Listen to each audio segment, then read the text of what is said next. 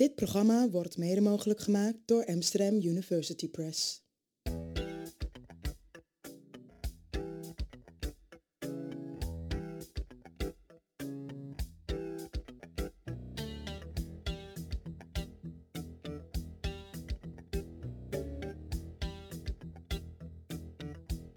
Vanuit Amsterdam is dit Onder Media Doctoren, de podcast waarin communicatiewetenschappers zich verwonderen over de media. 36 van Onder Media Doctoren. Vandaag gaan we het hebben over moord en doodslag, over misdaad. Wie heeft het gedaan en hoe heeft hij het gedaan? Het kan rekenen op heel veel media-aandacht. De kranten staan er dagelijks vol mee. Op televisie kunnen allerlei criminelen, advocaten, aanklagers en de rechtszaken waarin zij verwikkeld zijn bekijken. Kunnen media de uitspraak beïnvloeden? En wat betekent dat eigenlijk voor ons rechtssysteem? Vandaag gaan we het hebben over de ingewikkelde relatie tussen media en rechtspraak. En dat doe ik met uiteraard de usual suspect, Dr. Vincent Kronen. En de gast is Dr. Rob Leurs, mediawetenschapper aan de Universiteit Utrecht. Welkom heren. Dank je. Rob, je bent gepromoveerd op de media-aandacht voor Marc Dutroux, Ja. eh, de kinderlokker uit België. Heb je in je onderzoek kunnen verklaren waarom er nou zoveel aandacht is in de media voor dit soort misdaad? Nou, dit soort, kijk, het interessante van Dutroux is dat het eigenlijk iets eh, meer is dan alleen een man die hele erge dingen heeft gedaan. Het was een, een België eh, was en is het misschien ook nog steeds wel een land waar eh, politiek, nou ja, eh, nogal eh, gecompliceerd in elkaar zit, waar eh, opsporingsinstanties heel erg verdeeld kunnen zijn, waar allerlei andere elementen spelen. Dus het interessante aan Dutroux is juist niet eens de aandacht voor Dutroux zelf, maar hoe ehm, via de aandacht voor Dutroux eigenlijk er een aandacht is voor de staat van een land. En dat maakt ehm, zijn zaak heel interessant en op zich het onderzoeken van misdaad in de media sowieso interessant. Maar de, de, de aandacht die er toen ook enorm was voor, voor, voor de enorme kwaadaardigheid van die man. Doet me ook denken aan eh, de, de, de meestal witte seriemoordenaars in, in de Verenigde Staten. Maar daar zie je helemaal niet dat het is van, goh, onze samenleving is zodanig gewelddadig. We brengen ook dit soort mensen voor. Daar worden dit soort seriemoordenaars, nu is eh Dutroux, nou ja, hij heeft toch ook wel wat doden op zijn geweten. Ehm, zeg jij eigenlijk, is meer een uitkomst van een Belgische samenleving? Het is een, een- nou, je moet elke, elke zaak in zijn eigen tijd en in zijn eigen plek zien. En die jaren negentig, eh, dat was een, een bijna hysterisch euforische tijd. Het geld kon niet op, eh, er was een soort optimisme. Het einde van de geschiedenis werd afgekondigd. En te midden van al dat optimisme en, en, en de niet-serieusheid van het leven kwam er opeens iets voorbij wat vreselijk was. En iets wat eigenlijk heel dicht bij ons was. Want het was niet alleen in België was dat een groot drama, maar ook voor ons in Nederland was dat een groot drama. En eh, je ziet aan die zaak dus eigenlijk dat eh, wat daar gebeurde een verband houdt met die hele samenleving. Er, gebeurde een heleboel naars in de wereld. Je had eh, Rwanda, je had nou ja, in Joegoslavië, voormalig Joegoslavië, waar van alles gebeurde. Maar eigenlijk was Dutroux de, de echte doorbreking van die euforie. En dat maakt dat hij anders is dan nou ja, een soort standaard se- seriemoordenaar. En dat je ziet dat Dutroux eigenlijk grootser dan groots werd in zijn, in zijn eh, narigheid en in zijn daderschap. Vincent, eh, zowel in fictie als in non-fictie is eh, crime, eh, misdaad, is een van de belangrijkste genres. Waarom denk jij dat we daar zo graag naar kijken? Nou ja, Rob zegt dat al een beetje. Dat, dat het, het, het, het, het raakt aan ons het meest diepe morele eh, besef. Misdaad, hè? dat woord zit er al in. Waarin we eh, ons op een hele verschillende manieren toe kunnen verhouden. Eh, we kunnen ons vragen stellen over... Goh, waarom is iemand in staat om zoiets kwaadaardigs te doen? Zoals bij Dutroux. Waarin we vooral willen benoemen waarom wij dat niet zouden doen.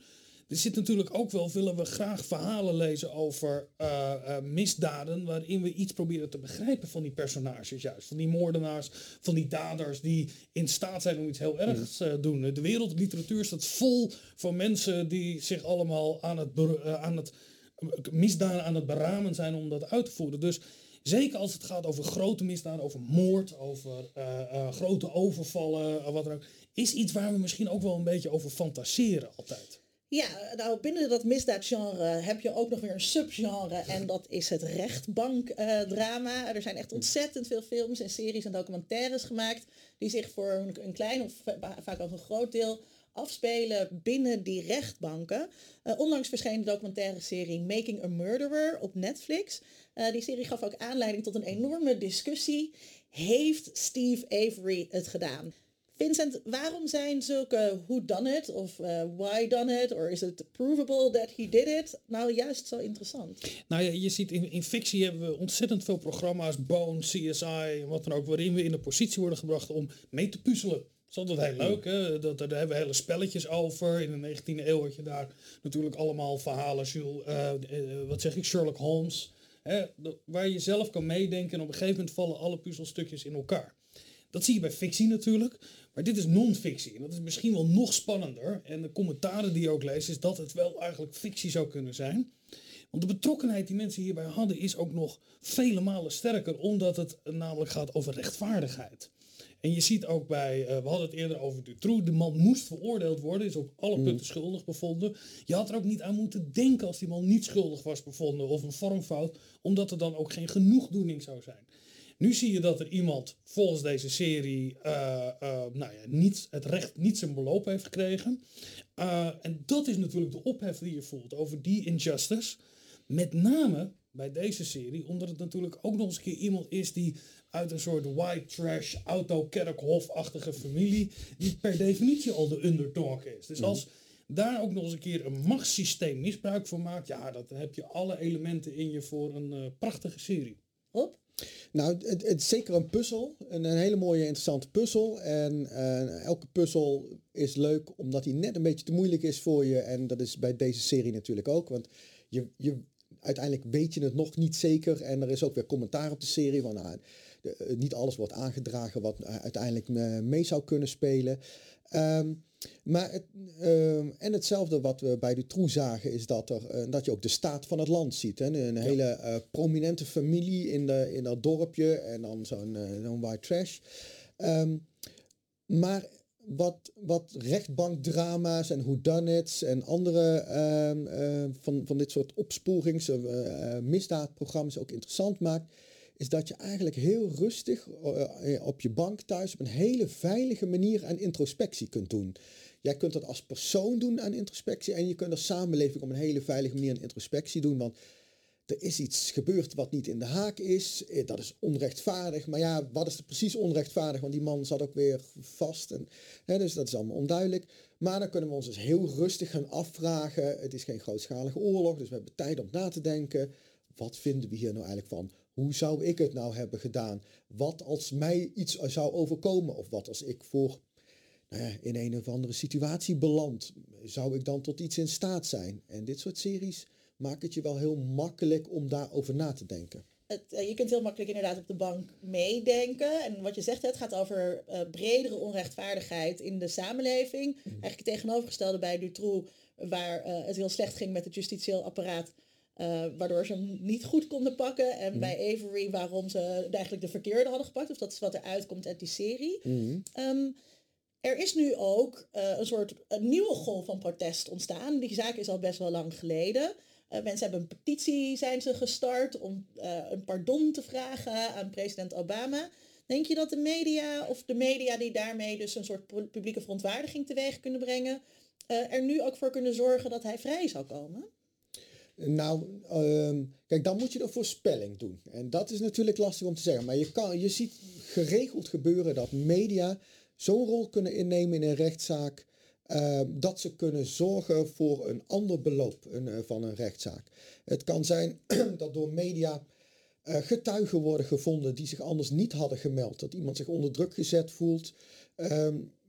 Bijvoorbeeld. Eh, of dat iemand juist niet meer wil getuigen. Of dat er nou ja, een soort reputatiemanagement gedaan moet worden. Dus het zou in potentie heel goed kunnen dat uh, ook nu de, die aandacht.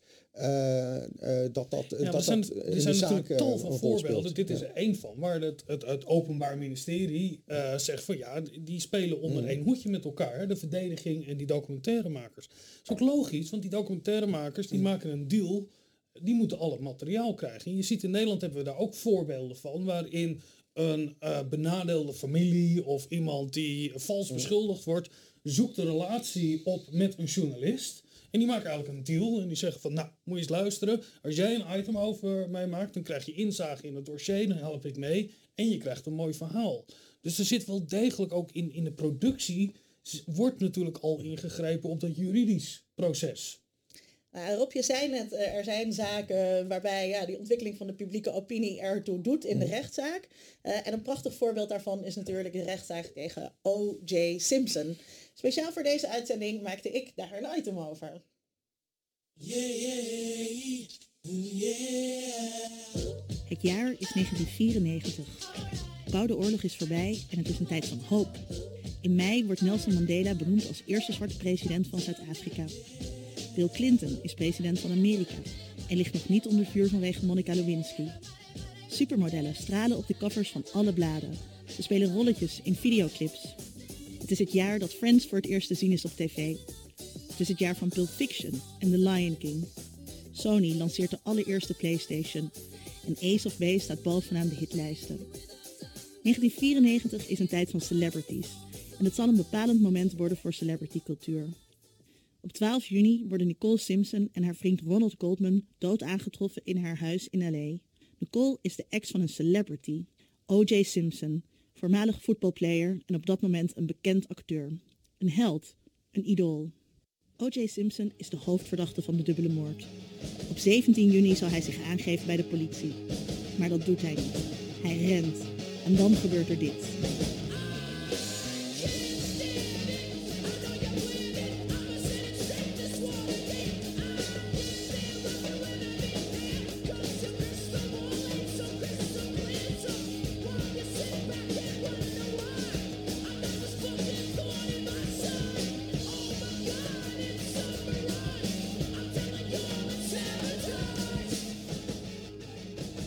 Proces tegen Simpson wordt het mediaproces van de eeuw. Camera's waren pas sinds kort toegestaan in rechtszalen en dat zouden we weten. CNN zet maar liefst 70 man op het proces. Er is meer aandacht voor OJ dan voor de genocide in Rwanda, die in 1994 plaatsvond. Het proces gaat over celebrity. Het kan niet losgezien worden van de media. Tekenend is dat de wortels van de roem van een van de grootste celebs van onze tijd, Kim Kardashian, liggen in dit proces. Haar vader Robert was een van de advocaten van OJ. Het proces zal anderhalf jaar duren. Framing, toen nog een relatief nieuwe term, zou de boel bepalen. OJ's advocaten maken de zaak over ras. Het gaat er niet om of OJ zijn vrouw heeft vermoord, maar of de LAPD zwarte mannen wel een eerlijke kans geeft. Het gaat om racisme. Under a system that imprisons so many so unjustly, the true place for our men is out of prison, zeggen OJ's advocaten. Na de zaak was Amerika nooit meer hetzelfde. Celebritycultuur was voor goed anders. En strafzaken werden een kijksport en die mensen aan de buis kon kluisteren. Waarbij de publieke opinie minstens zo belangrijk was voor de schuldvraag als het bewijs.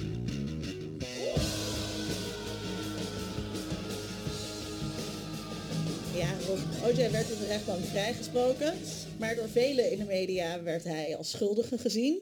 Um, jij hebt onderzoek gedaan naar voorbeelden van uh, verdachten die in de media veroordeeld werden, maar in de rechtbank niet, toch? Of andersom, dat kan natuurlijk ook. Je kan in het ene domein uh, schuldig bevonden worden, in het andere domein niet. En het interessante aan O.J. Simpson is, behalve dat het over ras gaat, ook dat het over het Amerikaanse juridische systeem gaat. Dat is veel meer gericht dan ons systeem op confrontatie. Je hebt een aanklager die je echt aanklaagt en alles probeert te doen om uh, jou schuldig te laten bevinden. De ja. people, ja. People en je hebt jouw advocaat die echt namens jou echt alles in, het, in, in, in stelling brengt om jou vrij te spreken. Onze mediastudent Iris Verhulsdonk had een interview met een persofficier van justitie, getraind om ons dit allemaal uit te leggen. Zij interviewde Gabrielle Hoppenbrouwers.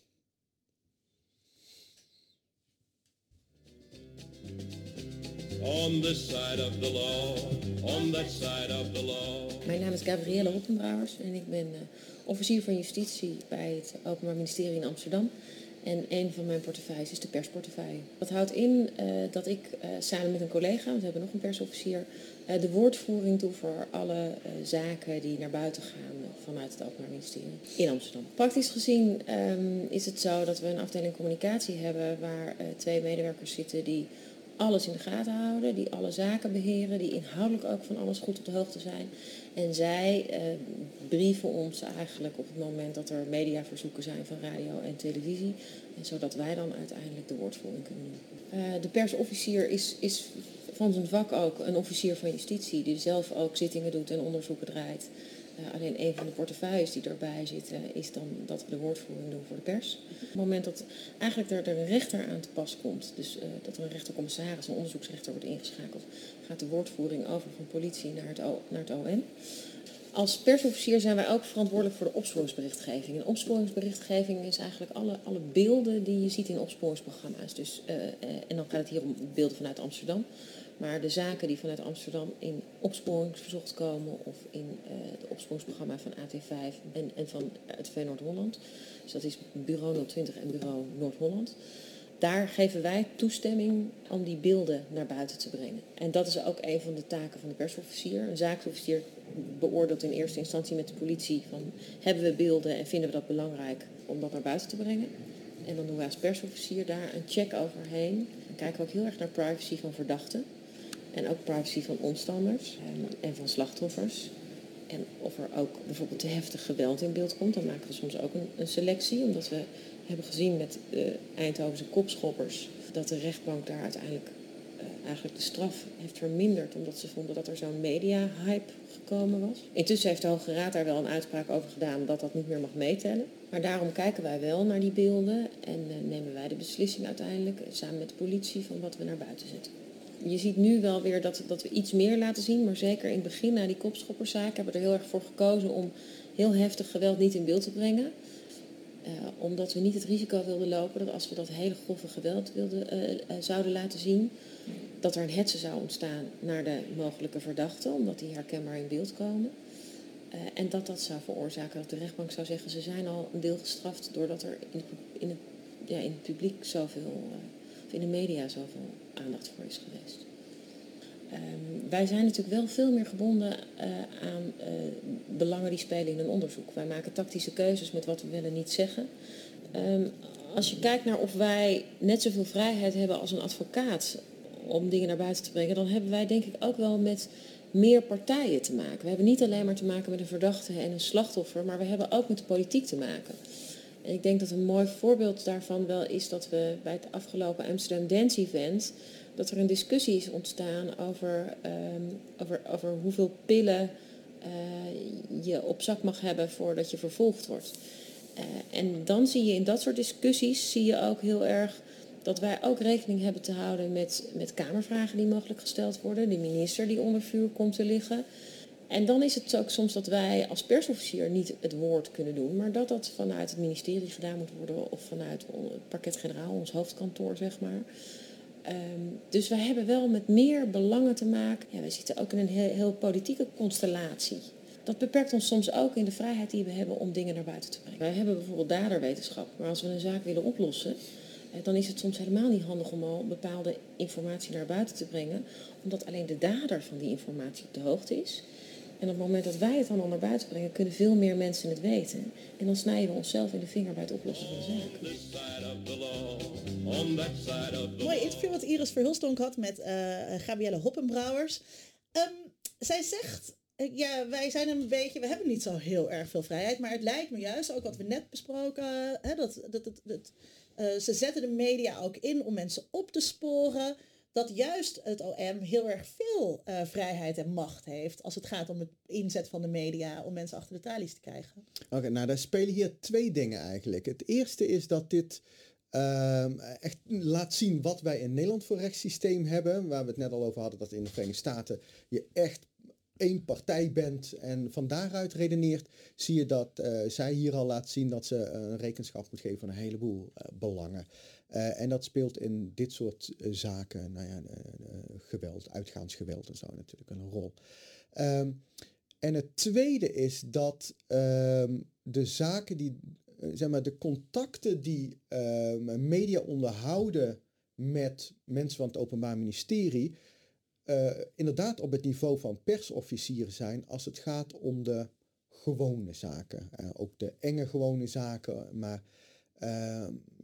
er zijn een paar uitzonderlijke zaken, heel uitzonderlijk grote zaken. We hadden net al Holleder. Nou, zo hebben we natuurlijk eh, nog wel wat meer georganiseerde misdaad in Nederland. En dan heb je het echt over de, de topmisdaad.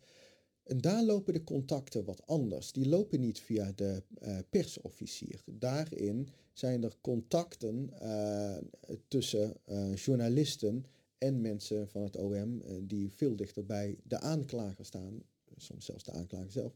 Hoewel dat nooit ehm, zeg maar, heel duidelijk wordt met wie die journalist dan contact heeft. Want die journalisten die beschermen hun bronnen natuurlijk. En officieren van justitie mogen dat eigenlijk helemaal niet doen. Uh, Rob, kan je nou iets samenvattend zeggen over de rol die media spelen bij rechtspraak? Uh, media spelen een steeds grotere rol. En die rol die is steeds meer ook ehm, niet sturend, maar wel medesturend in een rechtszaak. En dan is de grote vraag natuurlijk, vinden we dat erg? En vinden wij het zo erg dat, dat ehm, media iets, iets in te brengen hebben waar eigenlijk mensen uh, dossiers moeten lezen of niet?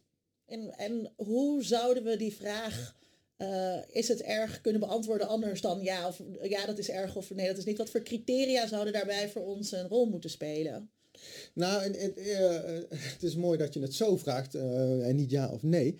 Um, ik was een keer bij de Europese Raad voor de Rechtspraak en die kwamen met hetzelfde. En er kwam ook dit verhaal uit voort. En hun allereerste was helemaal niet zoeken naar die nuances of hoe moet maar gewoon, nee, kunnen we dat niet gewoon verbieden? uh, dat, is, dat is eigenlijk een reflex van heel veel uh, juristen. Kunnen we het niet gewoon verbieden dat er iets gebeurt? Nee, dat, dat kan je niet verbieden. Maar je zou het naast dat je meteen zegt, ja, in een ideale wereld, in het paradijs doen we dat niet, zou je ook kunnen zeggen, ja, wat zou nou eigenlijk het, het, het voordeel daarvan zijn? Wat zou de goede kant zijn van die inbreng die media hebben in een rechtszaak? En volgens mij valt daar een heel sterk punt in te maken dat we echt niet meer terug moeten willen naar die tijd waarin er iets in een rechtszaak gebeurt, waarin jij met je advocaat daar naartoe gaat ellenlange dossiers moet aanhoren die uh, 9 van de 10 verdachten helemaal niet begrijpen. Want daarvoor heb je ook een advocaat natuurlijk. Uh, de, de, die, die moet jou daar wegwijzen maken. Die tijd, uh, dat er dan een uitspraak komt, de deur gaat weer dicht, dat moeten we ook helemaal niet willen. We moeten juist naar een tijd toe waarin media zo'n grote rol spelen.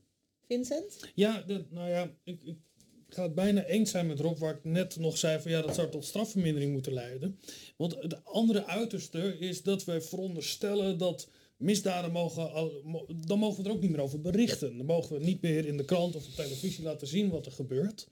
Daar zit het al een enorm probleem. Natuurlijk, we willen het weten wat er gebeurt. Mm. We willen ook weten hoe, hoe, de rechtszaak of hoe de opsporing daarvan is. wie heeft Everink uh, vermoord en uh, was dat een van de dreigementen? Al die vragen die nu spelen.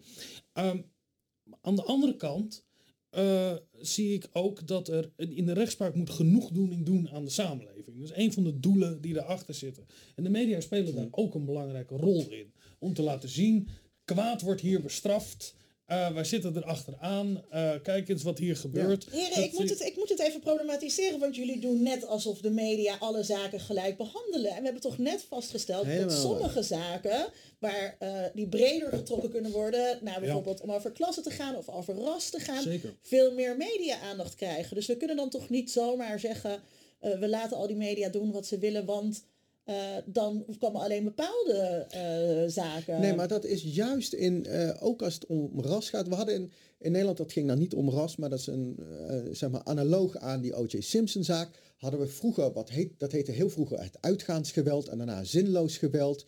En daar stonden hele kleine straffen op. En daar werden we zo boos over als samenleving vanaf 96 of zo. Ik heb er een scriptie over geschreven. Je hebt een nou, je weet er alles van. Um, vanaf 96 geloof ik werden we daar steeds bozer over. En langzaamaan zijn de straffen ook omhoog gegaan.